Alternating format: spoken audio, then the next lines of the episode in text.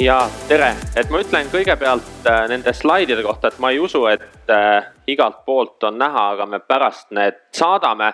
siin on päris palju asju, mis ma tegelikult just tahtsingi nagu kiirelt lihtsalt üle visualiseerida.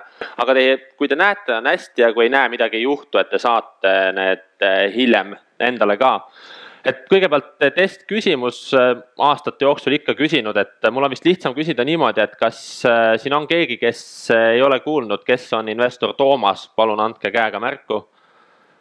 siis ei pea selgitustööd tegema vist kellelegi.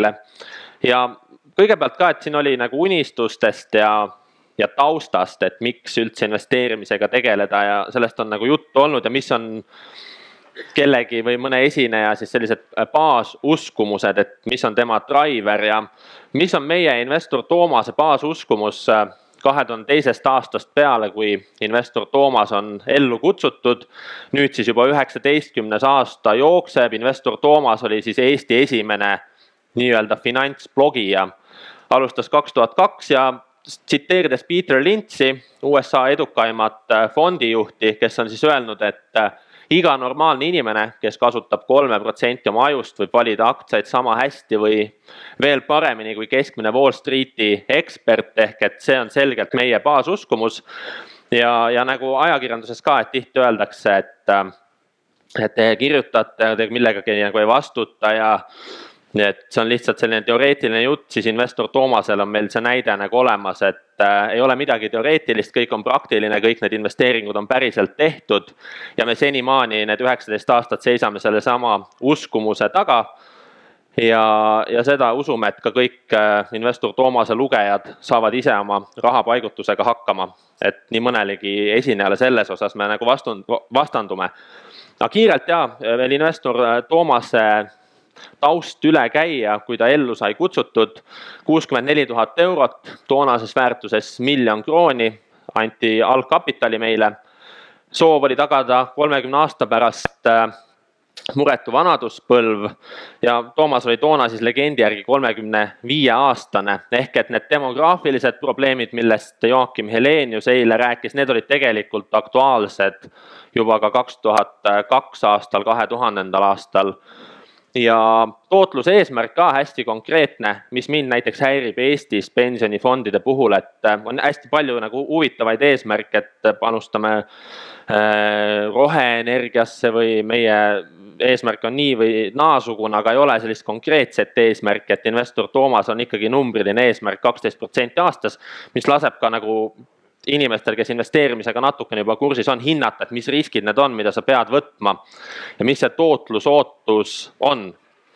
ja ma tulen pärast ettevõtte elutsükli juurde natukene ka, aga enne seda, mida Tõnis-Tõnis Merkuljev on ka tutvustanud äh, mulle ja mida ma arvan, et võiks edasi anda, on kõigepealt ka see, et äh, mis varaklasse, mis investor võiks tegelikult teoorias valida, et mina räägin päris palju üksikaktsiatest täna, aga lihtsalt, et panna nagu paika, et et kes millega üldse tegeleda võiks või peaks, on äh, Graham Rowani investeerimispüramiid, äh, mida Tõnis mulle äh, tutvustas ja noh, ma vaatan investor Toomase pealt, siis see peab ka meie puhul paika et näeb see siis välja selline, et tase üks on vundament, kus on kõige madalama äh, riskiga varad, rahahoiused, äh, riikide võlakirjad.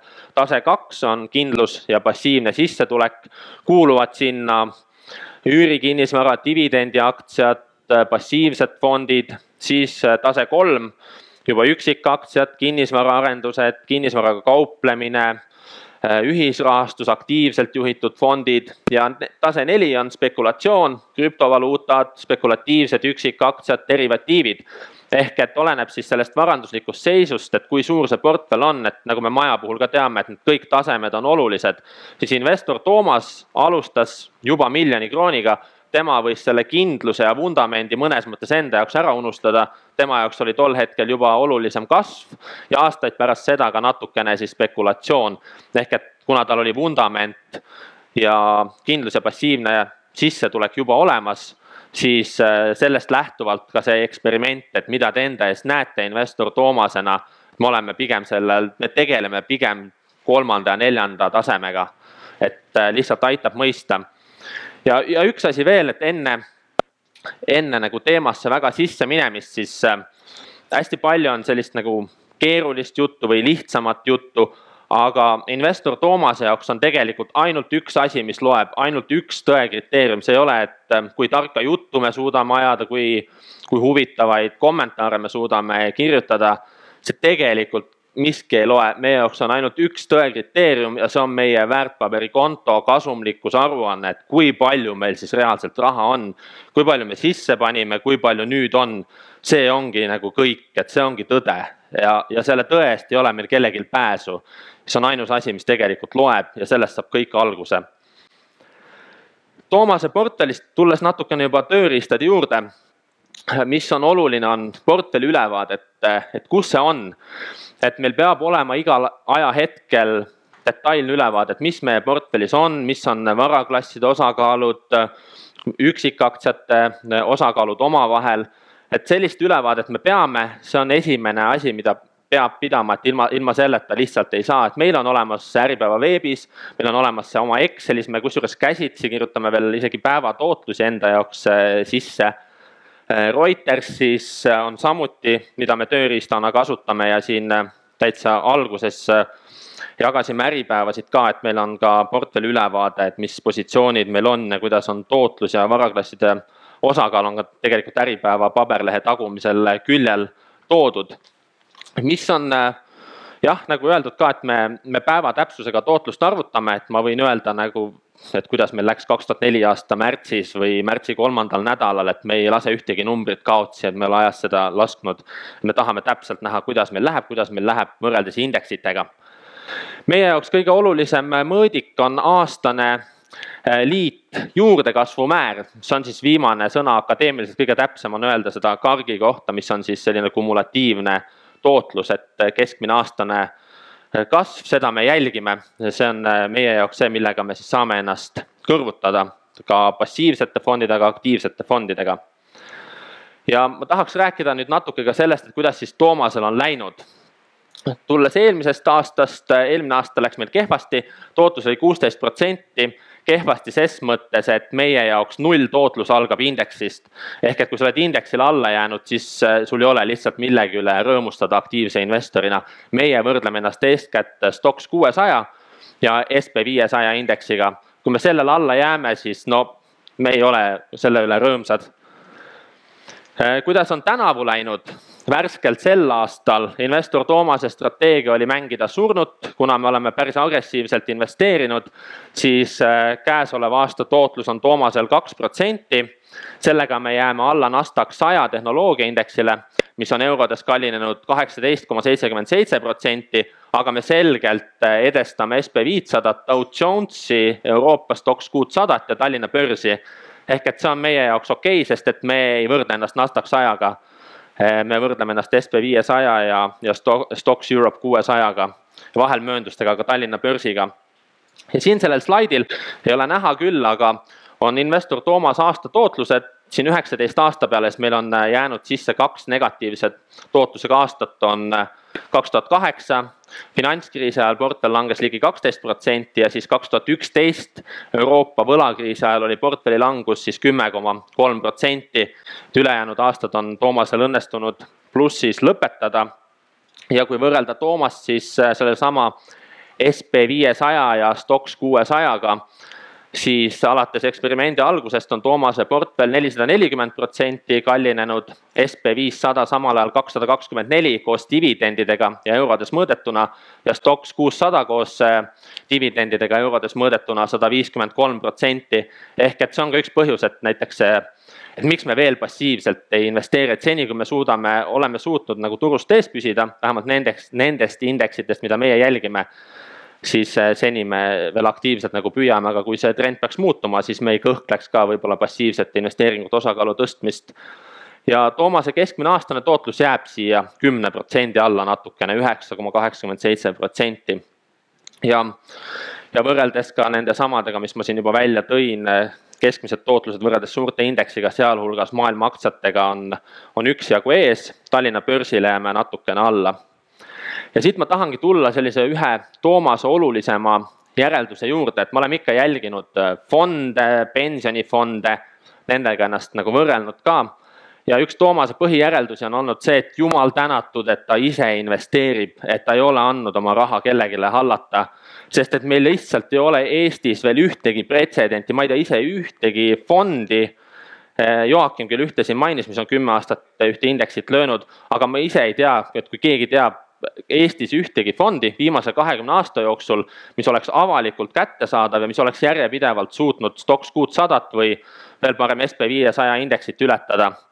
noh, meie jaoks olulisem SB viissada, et, et meil ei ole seda pretsedenti ja see võtab minu jaoks vähemalt argumendid ära, et miks ma peaks kellelegi seda raha andma. et noh, pane see parem siis passiivsesse fondi, et äh, ei ole veel sündinud sellist fondijuhti või vähemalt mina ei ole temast kuulnud võib-olla pri privaatpanganduses on, aga, aga, aga ei ole seda ka kuulnud. aga natukene siis äh, Toomasest veel, et äh, tuleme tööriistade juurde, natukene põhimõtetest ja, ja analüüsivõtetest ka. et siin slaidil on välja toodud ettevõtte elutsükkel. Äh, see on siis kuus etappi, esimene etapp on idufirma, kus on siis oluline toote katsetamine siis tuleb varajane kasv ettevõtte elutsüklis, kus äh, noh, juba on oluline kasutajate aktiivsus, natukene räägime juba käibekasvust. kolmas etapp ettevõtte elutsüklis on äh, kiire kasv, kas äh, inimesed ka maksavad selle toote eest, et ja kui palju nad maksavad. ja käibekasv ja investeeringud on sellised kesksed, kesksed küsimused. siis me jõuame neljandasse ja viiendasse etappi mis on ettevõtete jaoks küps stabiilsus, kus on väga oluline juba see, et äh, kuidas on äri rentaablus, kuidas on kapitali tootlus, äh, oluline on ikkagi juba kasum, kasumlikkuse säilitamine, neljas-viies etapp. ja siis tuleb hääbumise etapp, kus äh, oluline on juba selline dividendid, likviidsus, juba mõeldakse sellele, et mis me oma vara müügist saame et lihtsalt, et panna paika jällegi, et kes investor Toomas on ja mida iga investor võiks enda jaoks mõelda, et millega te tegelete. investor Toomas tegeleb neljanda-viienda etapi ettevõtetega. me otsime küpseid stabiilseid ettevõtteid, kui te vaatate Toomase portfellile peale, mis ettevõtted seal on, et see on see vastus sellele, et miks sellised ettevõtted. sest me tunneme ennast selliste ettevõtetega lihtsalt kõige enesekindlamalt. me oskame neid rohkem analüüsida, see on rohkem, rohkem arve kui lugu olulised on numbrid äh, ja neid numbreid me usume, et me oskame siis tõlgendada paremini. et siis on nagu vastus küsimusele, kui teinekord küsitakse, et miks te idufirmadesse näiteks ei investeeri või miks teil ei ole dividendiportfell ainult. see lihtsalt ongi see, et iga investor peab valima enda mängumaa välja ja investor Toomase jaoks valdavalt on see siis ettevõtte neljas-viies etapp, mis on siin enne hääbumist, aga ka pärast siis seda väga kiiret kasvu tööriistadest, äh, mis on investor Toomasele senise äh, edu või rahuldava tulemuse toonud, on see, et ta täitsa alguses, kaks tuhat kaks, pani paika lihtsad investeerimispõhimõtted, võttis õppust Seppo Saarjalt, oma sõbralt, kes on samuti öelnud, et kõige olulisem on see, et sul on mingid kindlad põhimõtted, sa pead sellest kinni. see on edu saavutamisel siin investorina olulisem kui kõik muu, olulisem kui analüüsimeetodid või, või mis tahes ja investor Toomase põhimõtted väga lihtsad, intelligentne investor raamat Benjamin Grahamilt, sellised äh, väärtuspõhised äh, põhimõtted, see on väga selgelt, äh, püüab leida õiglase väärtuse osas alahinnatud aktsiaid. lähenemine baseerub fundamentaalanalüüsil ehk nagu siin juttu oli, otsid, otsime tugeva kasumiga ennast tõestanud enamasti turuliidreid. me oleme ka oma investeerimisuniversumi paika pannud. investor Toomas investeerib valdavalt üksikaktsiatesse, on ka korporatiivvõlakirju, ETF-e ja alates kahe tuhande kaheksateistkümnendast aastast ka ühisrahastust natukene. hajutamise põhimõte ja ka investeeringute ajahorisont on selline kolm kuni viisteist aastat. ja portfelli struktuuri mõttes me nagu naljalt ei lase üle selli-, ühel positsioonil olla üle kolme kuni viie protsendi, on mõned suured erandid, kus me oleme lasknud siis. investor Toomasel on oma selline meelespea ka või checklist, et see on siin slaidil, siin on päris palju asju, ma ei hakka neid üle käima. Äh, siin on, me jagasime ka neid investori esimese numbri ajakirju, seal lehekülg nelikümmend üks on selline kiirtest, et pärast on siin selline töötoa osa ka, et see võtab nagu enam-vähem kokku. et üks asi on investeerimistees, millest saab kõik alguse, et miks osta aktsiat nüüd, mis peaks juhtuma, et seda aktsiat müüa, et me saame öelda, et on tegemist veaga. Checklist'is järgmine koht on taust, kas ta on oma sektori liider, kas ta kasvab kiiremini kui turg, kas ta on tugevam kui konkurendid, millised on peamised riskid, kõik see, me kaardistame tausta. siis tulevad juba suhtarvud, aktsia kohta teenitav kasum, selle kasv, kas on stabiilselt kasvav, aktsia raamatupidamisliku väärtuse ja hinna suhe me vaatame omakapitali tootlust, äh, vara juurdekasvu tempot, et siin on hästi palju suhtarve, et, et sa jälgid seda, et kas seal ei ole mingeid anomaaliaid, et see on lihtsalt selline checklist. ja lõpuks on siis tehniline pool, et kui me juba ostame, mis on see ajahorisont ja mis summa eest ja mitmes osas, et selline checklist, et iga investeering selle tahes-tahtmata läbib siin sellel slaidil on toodud nüüd äh, Bloombergi terminal, et tööriistad. Äh, üks, mida investor Toomas on kasutanud puhtalt sellepärast, et investor Toomas on Äripäeva all ja Äripäev kasutab ka professionaalseid äh, turuinfo pakkujaid. investor Toomasel on kogemus, et on kasutanud Bloombergi terminali, mida kasutavad pangad. ja siis pärast seda me kolisime siin mõne aasta eest üle Reutersile, et me kasutame ka Reutersit lihtsalt natukene oma elu lihtsustamiseks, aga ma ei ütle, et need tööriistad annavad erilise konkurentsieelise ja kindlasti ei anna ta mingit konkurentsieelist Äripäeva lugejate eest, kuna neil on seesama info ühel või teisel kujul tuleb äh, kätte. aga aga me oma portfelli ja jälgime Reutersi platvormilt, äh, kus noh, siin on, siin on see slaid, te pärast seda näete. meil on portfell ja siin on siis toodud välja äh, suhtarvud juba meil lihtsalt on nagu lihtsustunud hinnamuutused, äh, dividendi tootlused, kõik see, et me lihtsalt jälgime seda, et, et kuidas suhtarvudelt meie portfelli dünaamika on, et see nagu lihtsustab. aga ma ei ütle, et ta liiga palju lihtsustab, et seda võib ka vabalt ise Excelis tegelikult teha. ja Toomas on ka seda Excelis teinud, et võib-olla isegi on see parem, et sa, et sa pead ise need ikkagi välja arvutama. sest et tegelikult ka professionaalsetel turuinfo pakkujatel on endiselt, nad teevad vigu ja nad ei tõmba infot alati õigel ajal sisse ja nüüd äh, päris konkreetselt äh, üks oluline tööriist, mis on investor Toomase elu väga palju lihtsustanud. siit slaidilt ma usun, et ei ole praeguse päiksega vist enam midagi näha, aga on äh, ostu- ja jälgimisnimekiri. ehk et meil on, lugejatelt tuleb väga palju ideid meil endal börsitoimetuses ja Äripäeva infoväljas olles ideid tuleb vasakult ja paremalt, me paneme need kõik endale lihtsalt kirja ja me jälgime siis ka, et, äh, et mis nendega juhtub. et kas mõni aktsia seal jälgimisnimekirjas kukub, muutub ootamatult soodsaks, et siis on sul vähemalt kogu aeg mingi shopping list olemas, äh, mida sa saad kasutada aktsiate ostmiseks, et seal on meil kuskil viiskümmend nime ja, ja siis me jälgime seda, et kas mõni hea idee on nagu muutunud veel paremaks ja sealt aeg-ajalt me siis ideid nagu nopime ja oste ka selle järgi sooritame ja, ja vahelt meilt on nagu küsitud ka, et, et kuidas te ühte või teist ideed nagu leiate. Eh, tehniliselt, et mingid sellised hästi X aktsiad, et miks teil on viisteist protsenti portfellist mingisse Norra kalakasvatajast täiesti nagu noh, esmapilgul suvalises ettevõttes. et eh, sellel slaidil on nagu näide, et kuidas selliseid ideid leida. see on eh, turgude läbikammimine, et me aeg-ajalt seda teeme, et võtame ette näiteks hiljuti tegime Taani börsiga seda et sa võtadki selle Taani börsi põhiindeksi ette, skammid läbi suhtarvudelt, et mis on soodsad. näiteks PE ja price to book'i järgi, mille dividenditootlus on kõrgem, kas on midagi juhtunud näiteks, et äh, mingi sektor on alamüüdud või, või just buumib. ja, ja näiteks hea näide ongi, et kuidas leida selline ettevõte nagu Leroy Seafood, mis on investor Toomase elu üks parimaid investeeringuid, tootnud siis üle saja protsendi tootlust. ongi niimoodi, et võtsime ette Oslo börsiindeksi ja siis suhtarvude järgi vaatasime, et mis on PE-lt suht, äh, suhteliselt soodsamad. tuli välja, et Skandinaavias oli, see oli siis juba kaks tuhat kaksteist, kolmteist, kui see idee Toomase radarile jõudis. nägime, et on väga soodsaks muutunud Norra kalasektor ja Skandinaavia finantssektor ja sealt edasi vaadates juba tulid fundamentaalsed küljed, et Norra kalasektor väga kasumlik, väga tugevad dividendimaksjad, seal on sellised positiivset liikumist, me näeme, et Hiina raha on aldis üle võtma Norra kalakasvatajaid, ehk et sealt sai sellise fundamentaalse story juurde. ja siis seda ostuotsust ei olnud enam nagu raske vormistada, aga selle idee tegelikult sa leidsid sellise suhtarvude ülekammimisega, et okei okay,, see sektor nüüd alamüüdud. ja niimoodi oleme leidnud näiteks Norrakate Equinori, kui siin naftakriis oli, et me näeme, et mingi sektor on põlu all, et kas ta on fundamentaalselt huvitav. et, et niimoodi me nagu leiame, kui kammida tööriistadest veel, mida võib mainida, on see, et kui te lähete börsiettevõtete kodulehtedele, siis eriti välismaiste ettevõtete puhul on välja toodud ka analüütikute nimekiri.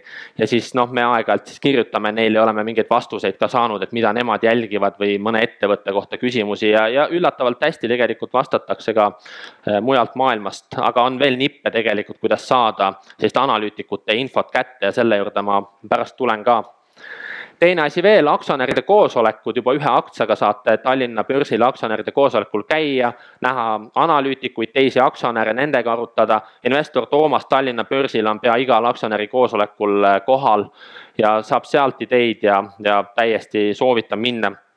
on, äh, saab väärt infot küll kõige olulisem tööriist investor Toomase jooksul, et mida me oleme aastate jooksul öelnud ka, on see, et, et ta paneb oma tehingud kõik kirja ja ta paneb ka need ostu, ostu-müügi põhjused kirja, kõik teesid kirja ja ta kirjutab oma kommentaare ehk sisuliselt investor Toomas blogib, ta peab päevikut. see on äh, ilmselt äh, Toomase üks kõige olulisemaid tööriistu olnud läbi aegade, et kui te juba seda teete, siis on suur osa võidust äh, olemas. ja investor Toomas ei ole selle mõttega üksi.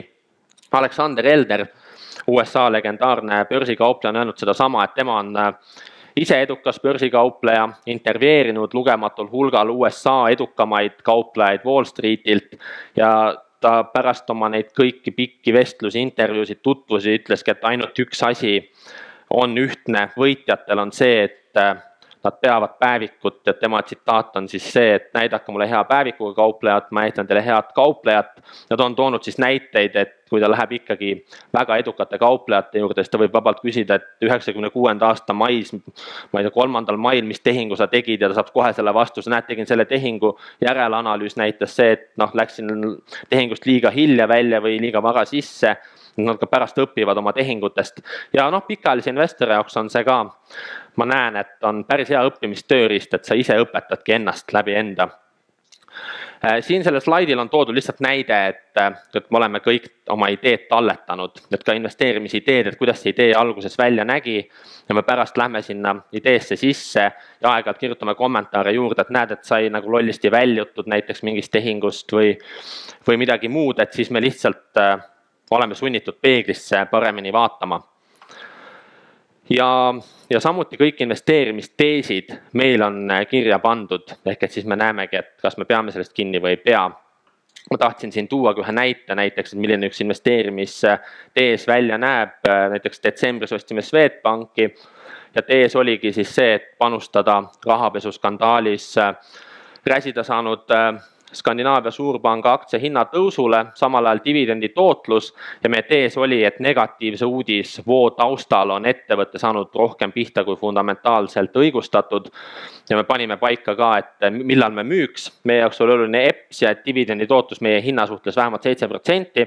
see on nüüd üks koht, kus me oma teesist kinni ei pidanud, sest koroona muutis tegelikult kõik meie teesid kehtetuks. ehk et siis me praegu pigistasime lihtsalt mõlemad silmad kinni, et vaatame, et kuna me jälle teesidest kinni hakkame pidama et me teeme erandeid. aga ma tahtsin käia üle ka mõned näited, et, et kuidas käib selline ostuidee leidmine, meil on iga nädal selline viisteist minutit istumine, kus üks meist presenteerib oma mingit ostu-müügi ideed või toob mõne idee lauale ja siin on siis Coopi kaasus, ma ei hakka seda, meil ei ole nii palju aega, te saate pärast vaadata. et äh, siin on välja toodud, et äh, kõigepealt taust, kuidas Coop näeb välja arvudes. see on siis konkreetne kaasus, et miks me otsustasime mitte märkida Coopi ja, ja miks meie seisukoht selline oli. et äh, me tõime välja arvudes, et kuidas ta välja näeb, me võrdlesime suhtarve teiste pankadega. me tõime peamised poolt ja vastuargumendid, millesse noh, mul ei ole praegu mõtet siin minna.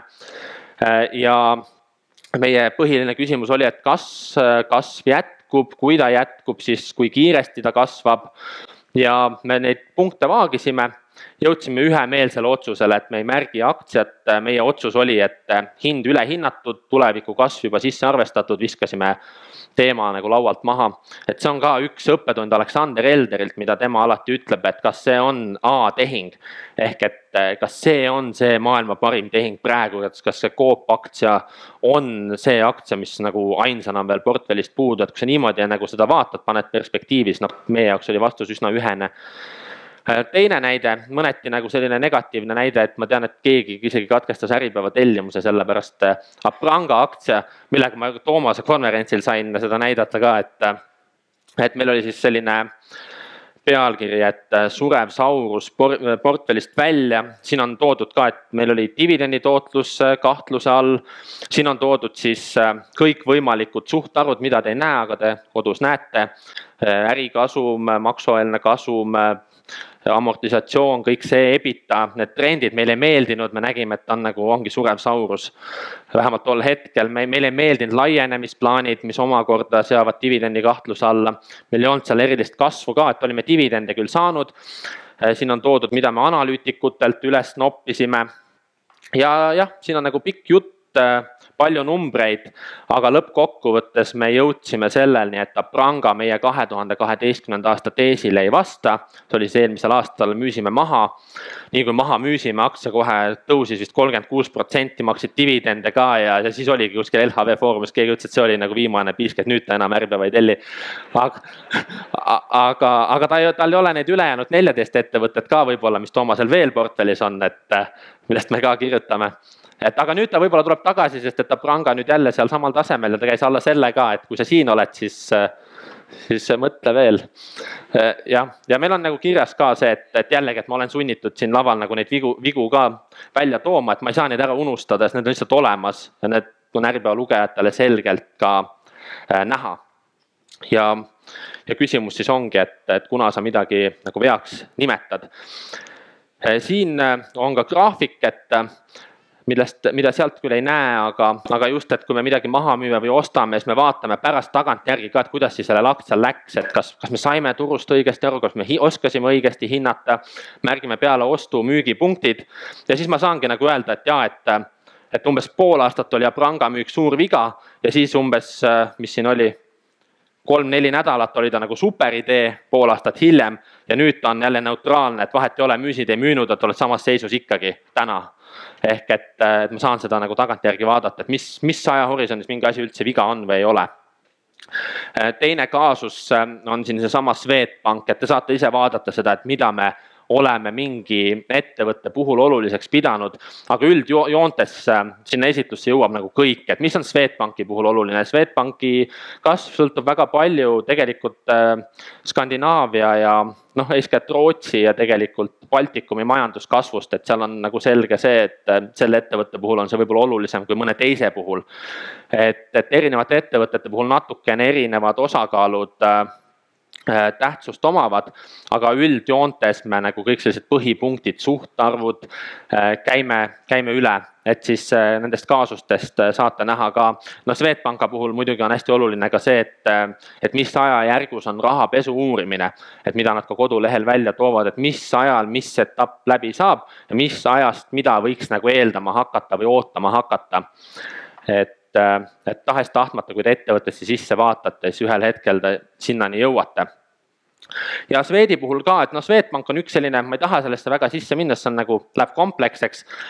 üks väheseid näiteid, kus meie puhul nagu tehniline analüüs oli, omandas ka mingi osakaalu, et kui me septembr, detsembris selle ostu tegime. kaks tehnilist kriteeriumit, RSI, teine on äh, Äh, exponential äh, moving average, äh, te saate Yahoo Finance'ist, on see ema. neliteist päeva, kakskümmend kaheksa päeva, kui te panete need libisevad keskmised peale, siis te tehniliselt saate justkui väärtustsooni, see on, mis jääb nende kahe libiseva keskmise vahele, et seda on nagu lihtne teha Yahoo Finance'is või stock chart'is või, või trading view's või kus iganes ja siis, äh, kui ta läheb nende joonte alla, siis ta on nagu tehniliselt on ta väärtustsoonist nagu allpool. kui ta on ülevalpool, siis ta on äh, tehniliselt justkui ülehinnatud. RSI natuke toetab, et RSI on siis äh, kolmkümmend alla seda on ta nagu ülemüüdud tehniliselt, seitsekümmend üle, üle selle on ta nagu üle ostetud, buumib. et me seda aeg-ajalt jälgime, et see on jällegi Aleksander Elderilt üks õppetund, et me muidu, noh muidu ei jälgiks, aga ta on meie puhul natuke nagu toiminud. et, et ta on aidanud natukene spekulatiivsemate ideedega ostu-müügi hetke nagu ajastada ja, ja Swedi puhul samamoodi, see oli üks argument, mis meil laual oli, oli ka tehniline pool, väga lihtsakoeline. ja siis äh, siin järgmisel slaidil on ka toodud, et me ei jäta seda niisama, et ma nädal hiljem või niimoodi aktsia kallines ka kümme, kakskümmend protsenti, et siis tagantjärgi me panime selle graafiku juurde, et kas ka läks niimoodi, nagu me arvasime ja seekord nagu läks. aga jah, pikaajalise investori jaoks ega sellest väga vahet ei ole. vahel lihtsalt äh, ka intellektuaalne nagu meelelahutus, et vaadata, kas mingid analüüsid peavad paika või mitte. ja äh, millest veel ma tahtsin rääkida, on see, et, et Äh, paljud tööriistad on tegelikult tasuta kättesaadavad, mina üldse üle ei tähtsusta selliseid äh, professionaalide tööriistu tavainvestorite puhul. no võtan näiteks investor Toomas, et kaks tuhat üheksa aastal ostis Microsofti. Nüüd on Microsofti aktsia üle kaheksasaja protsendi kallinenud, et kas siin aitas kuidagi kaasa Bloomberg või Reuters või, või midagi muud, no kindlasti mitte. et äh, sellised parimad investeeringud, et sellest tegelikult ei sõltu et eriti, kui teil ei ole, kui te ei ole professionaalne varahaldur, et see ei ole nii oluline. aga mida meie teeme, mis on sellised tasuta olulised tööriistad? Google Alerts, eriti selliste eksootilisemate ettevõtete puhul, meie puhul näiteks siis seesama Leroy Seafood, et luua lihtsalt endale Google Alert, kui selle ettevõtte kohta mingi uudis tuleb, et ei magaks midagi väga olulist maha. meie puhul, näiteks Leroy puhul on see, et me ei jälgi ju hispaaniakeelset meediat, aga kuna Tšiili on väga oluline väga oluline kalaregioon, siis need mõned uudised tulevad hispaania keeles ja siis kui sa tahad selliseid uudiseid ka näha, et, et mingi kalasektorist on midagi olulist äkki tulnud, mis mõjutab kala hinda. no siis te leiate need lihtsalt kiiresti lihtsalt üle, et diagonaalis te vähemalt teate, mis toimub. Äh, Seeking Alpha, mis mulle endale väga meeldib, äh, saab USA ettevõtete puhul luua oma portfelli, tellida endale alert'id meilile päris palju huvitavaid analüüse ja mis mulle endale väga meeldib Seeking Alphas on earnings transcripts. Just välismaiste ettevõtete puhul pärast kvartali tulemusi on äh, analüütikutel juhtkonnaga tavaliselt sellised arutelud, äh, milles tehakse transkript, et mida analüütikud küsivad, et see isegi Skandinaavia ettevõtete puhul ja meie puhul näiteks Ryanairi puhul ma alati huviga loen neid, need saab tasuta sealt kätte. et mida Oleri või siis äh, Ryanairi finantsjuht, et mida neilt küsitakse, et mida analüütikud oluliseks peavad. et sealt saab ka nagu ideid, et, et mis need riskid on ja mida nagu teised arvavad siis äh, Bloombergi uudiskirjad samuti saab tasuta tõmmata, Äripäeva investor Toomase enda uudiskirjad, mida me veel Tallinna börsil jälgime, kõigile kättesaadav on aktsiaraamatud, sealsed muutused, et kas mingi suur institutsioon müüb näiteks või keegi ostab, seda me jälgime. Ja noh, Eestis seda nii palju ei ole mõtet tegelikult jälgida, aeg-ajalt võib silma peale panna, on äh, Finantsinspektsioonis ka äh, börsiemitentidega seotud isikute tehingute register kus siis näeb sisetehinguid, et kas keegi, ma ei tea, Annus müüb Merkot või kas Luik ostab Ekspressi, et sealt saad võib-olla mõne infokillu ka. ja nüüd ma tahan tegelikult, enne kui me läheme lõpuküsimuste juurde, anda teile ka ühe kaasuse, et ma loodan, et vähemalt nelja-viie inimese peale üks investori ajakiri siin on, kus on Sepo Saarjo ja Jaak Roosaare, Jaak Roosaare kaane peal, sest et mul on oma huvi ka mängus et ma tahan tegelikult saada teilt Tallinna börsi või Balti börsi parimat aktsiat. ja mis on selle kaasuse selline taust, on see, et kui te moodustate sellised nelja-viiesed grupid, võtate inimesed, kes on teie ümber ja te leiate ühe sellesama investori ajakirja, lehekülg nelikümmend üks on selline aktsia kiirtest.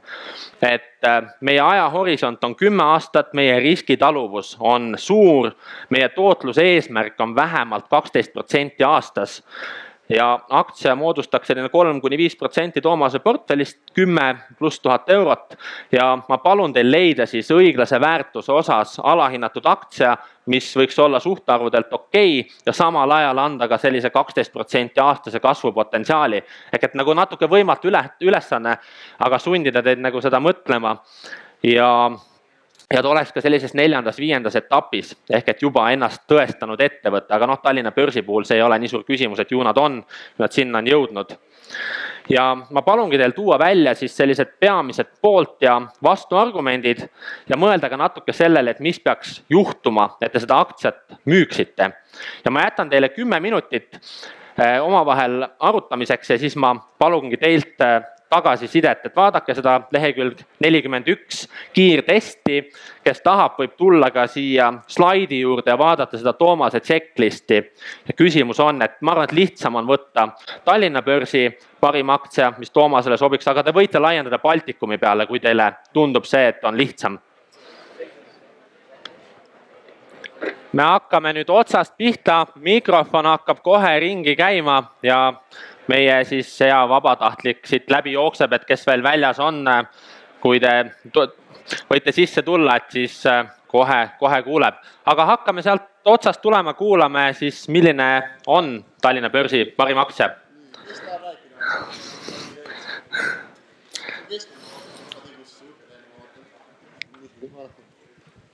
Okei okay,, sain, sain mikrofoni kätte. meie valisime välja, kuigi me ei jõudnud süvaanalüüse teha, on ikkagi LHV.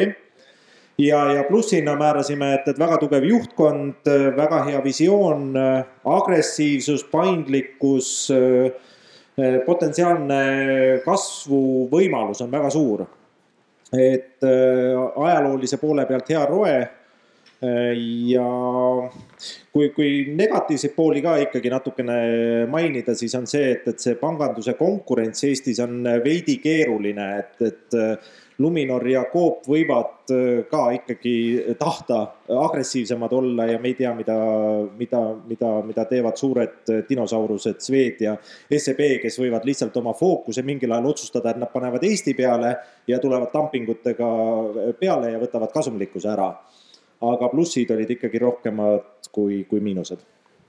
LHV lihtsalt kommentaariks, et meil ka üks koroonakriisi ajal Toomasel laual olnud idee, hakkasime senti lõhki ajama ja tahtsime tegelikult juurde osta ja samamoodi üks, üks oluline asi ka, et nüüd parim ostunimekiri tavaliselt ongi investori jaoks juba see portfell, et mis neil portfellis olemas on, et meie puhul ka. aga veel ideid, kas kellelgi on mingi muu idee kui LHV-ga? siin keskel on ühe raamat lahti, vaat.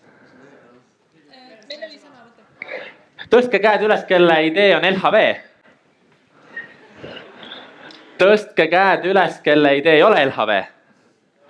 siin jah.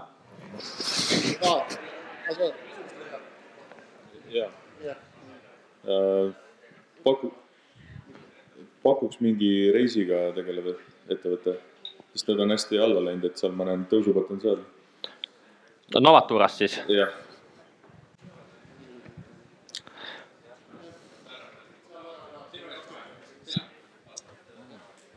mina oleks pannud äh, Tallinna Vesi, siis sellega ei juhtu mitte midagi. kas sa saad sealt ka kaksteist protsenti? no aga eesmärk on ju pikaajaliselt. no, no kui laienevad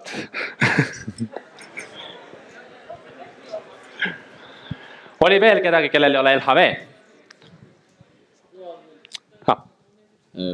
mina pakkusin või mõtlesin Silvano peale et kui vahest vaadata neid või noh, kasutame siis ära, et LHV-st tuli nõuanne, et Raim Lõhmus ütles, et vaadake tihti seda oma, omakapitali tootlust on ju. et siis Silvana omakapitali tootlus on tegelikult pidevalt olnud nagu selline üle kahekümne ja rohkem on ju. noh, dividende maksavad, ilmselgelt kontrollpakk on ühe inimese käes, mis on nagu noh, selle mehe puhul hästi arvestatav nagu osa, et tahab alati seda, neid ettevõtteid kontrollida, kus tal enamus on ükskõik millisel kujul. ja, ja noh, selles mõttes, et eh, loomulikult koroona ajal sai ikka nagu rohkem peale ka ostetud, et äkki tulevad head dividendid ka see aasta, aga, aga ei tasu nagu pead nurgu lasta, et et esimest korda olen Silvanot ostnud siis, kui ta maksis euro ja siis ootasid, kui läks kolmele, et siis vahepeal tegid nagu vede, vedelaks ka ja, ja siis tasub nagu võib-olla silma, silma peal hoida ka tulevikus, et et turud, millal nad toimetavad, eks ole, toodavad Valgevenes, noh, tootmiskulud kogu aeg madalad, eks ole, makstakse palka rublades, millel mingit väärtust pole, aga välja nagu püütakse nagu raha saada eurodes sisse, on ju, et, et nendel on nagu omad, omad eripärad ja võib-olla noh, eks investor Toomas võiks ka aeg-ajalt nagu pihta anda sellele, et vaadata, mis seal noh, nagu võib-olla ta ei ole nii nagu kaubeldud aktsia nii igapäevane kui näiteks Tallink või, või, või Kaubamaja või, või LHV, et et aga, aga võib-olla seda kasvupotentsiaali seal võib-olla kindlasti nii palju võib-olla ei ole, kui selles LHV-st rääkida, aga aga, aga noh, ütleme nii, et kui nad naiste pesusid toodavad ja küll neid ikka ka kasutatakse. üks kommentaar ka, et Silvano tegelikult meil fundamentaalselt on olnud, et see on väga hea idee, ta on Tallinna börsil fundamentaalselt olnud ülihuvitav ja ta on aastaid olnud ja noh, investor Toomas on seal kuidagi noh, oleks võinud rohkem numbreid vaadata võib-olla kui story't, et see on üks jah, Toomasel olnud ka fundamentaalselt on ta jah. On veel? aga paneme tanki Marko Olo, investor, mis sa arvad? juba on öeldud minu vastus. no vot, siit, siit, siit eest jah, ja võtame siis viimase ostusoovituse. me mõtisklesime Tallinna Kaubamaja peale. hind hetkel on küll kõrge, aga kui vaadata sellist ajaloolist äh, ettevõtte juhid, ettevõte on nagu olnud väga hästi juhitud, eelmise kriisi ajal tegid hästi kiiresti korrektuurid ja taastusid kiiresti. peamine käive tuleb noh, Selveritest, et äh, inimesed toitu ikka ostavad. ja dividenditootlus on olnud ajalooliselt väga kõrge. ja ka vara aktsia hind on tõusnud pikaajaliselt. kas kaksteist protsenti on jätkusuutlik, see on meie jaoks olnud Toomasega küsimus ei, ei usu tegelikult, et ta väga jätkusuutlik on, aga lihtsalt arutasime kaubamaja mõtet. Ma küsiks, kas investor Toomas kavatseb reaalselt pensionile ka minna mingi hetk, et äh, pea kakskümmend aastat on juba investeeritud. kolmekümne, nagu äh, kuuekümne viies eluaasta ei ole väga kaugel enam. et kas ta kavatseb muutuda ka konservatiivsemaks, et oma vara väärtust hoida ja kas äh, Toomas on ka finantsvaba juba? jah no Toomas on vaata, ta on nagu välja mõeldud, et inimesena või olendina, teda on võrreldud, meil oli just Äripäeva lugeja küsitlus, teda võrreldi Käsna Kallega ja. ja, ja kellega iganes veel ja vahepeal seda kuju võrreldakse kolhoosi esimehega ja. ja ma võin ju midagi välja mõelda, aga tegelikult legendi järgi ta on küll nagu noh ta, ta ei ole nagu päris finantsvaba, tal on ambitsioon suurem, et see sõltub jällegi, et mida sa nagu taotled, et tema eesmärk oli ikkagi see, et et tema miljonist peab saama kolmkümmend miljonit, kaksteist protsenti kolmekümne aastaga seda tähendaks, see tähendaks, et kuuekümne neljast tuhandest eurost peaks saama kaks miljonit. ja vot see ongi nüüd, et ma pean, ma peangi nüüd põhimõtteliselt siis kuidagi laveerima Äripäeva juhtkonnale ka, et võib-olla pikendada, sest et meie keskmine ajalooline tootlus on olnud kümme protsenti kaksteist protsenti on eesmärk, see tähendab seda, et kolmekümne aasta peale me teenime miljoni kui me ei teeni väiksemat tootlust nüüd, et meil jääb nagu miljon eesmärgist tegelikult puudu, see näitab seda, et see kaks protsenti on ülioluline. Ja ma olen seda näidet ka toonud, et, et kujutage ette, et ma oleks näiteks või me oleksime börsitoimetusega nagu fondivalitseja ja me võtaksime näiteks kaks protsenti või protsent siit-sealt äh, valitsemistasu, sisenemistasu, väljumistasu, me oleksime, ma arvan, et me ei jääkski midagi väga järgi. et see on jällegi see, et miks erainvestor nagu äh, noh, on, on mõneti ka hea olla aga jah, ma, ma arvan, et me oleme võib-olla sundseisus sunnitud jah, siis pensionile minekut natuke edasi lükkama, kui see läbi läheb juhtkonnas. küsiks veel, kas, kas on midagi uut ka tulemas investor Toomase poolt, et noh, et siin viimasel ajal, noh, kaks aastat tagasi läksite nüüd ühisrahastusse, et on midagi uut varaklassi nagu silmapiiril või, või mingeid muid mõtteid, et hakkate äkki midagi ettevõtjaks, nagu rohkem te näete küll mitte raamatuid ja asju, aga panete mingi reaalse poe püsti kuskile Tallinna kesklinna? investor Toomas Jaa, ta noh, ettevõtlusega iseenesest nagu tegeleb, et ta on jah, raamatud, ajakirjad, ta on, ta on nagu ettevõtlusega nagu seotud, aga ta, seda ta nagu oma portfelli ei arvesta, et meil on huvitavaid varaklasse, loomulikult me jälgime ka, me jälgime startup'e, iduinvesteeringuid, meil on tegelikult portfellist kümme protsenti, et mida me võime ka riskantsemalt äh, paigutada. et, et see on nagu selge, aga, aga meil on lihtsalt see, et me otsime uusi ideid küll, aga ta peab olema ka selline idee, millele kõigil meie lugejatel on nagu ligipääs, et meil on pakutud ka investor Toomasele, et tulge siia sündikaati, aga tingimus on selline, et siis te sellest no te ei saa kirjutada, et mis siin koosolekutel räägitakse, et see meile ei sobi, et me tahame olla samas seisus kui kõik teised. või siis on pakutud selliseid suuremaid investeeringuid, et pane sada tuhat ja siis on selline nagu fikseeritud kindel tootlus, et see ka jällegi, ta ei ole nagu kõigile kättesaadav. et üks investor Toomase point on ka see, et see, mida me teeme, on absoluutselt igale lugejale tehtav. Need ideed on juba enne tehingut ka lugejatel teada. et aga me jah, me vaatame ringi küll. aitäh kas sinu enda portfell on äh, sama, mis Toomasel või palju sa enda portfellis nagu järgid seda, mis sa tööna teed? Äh, mu portfell on väiksem kui Toomasel ja äh, ma jälgin küll, aga, aga mul on niimoodi, et ma olen ise hästi indeksite usku, et ma näen investor Toomasega seda nagu ajakulu. et ma saan investor Toomaselt ideid, ma annan investor Toomasele ideid, nagu me kõik börsitoimetuses. aga minu enda jaoks on hästi oluline faktor ka see, et, et ma tahan, et oleks väga suur osa automaatselt passiivselt investeeritud. et ma ka, ma spekuleerin, ma olen spekuleerinud ja mul on selline spekulatiivne osa, aga ma tahan, et minu see vundament, kuna ma ei ole nii jõukas kui Toomas, oleks ka stabiilses, no praegu on lõviosa näiteks SB viiesaja indeksis on üks äh, nagu väheseid aastaid, kui ma olen ka Toomast nagu edestanud.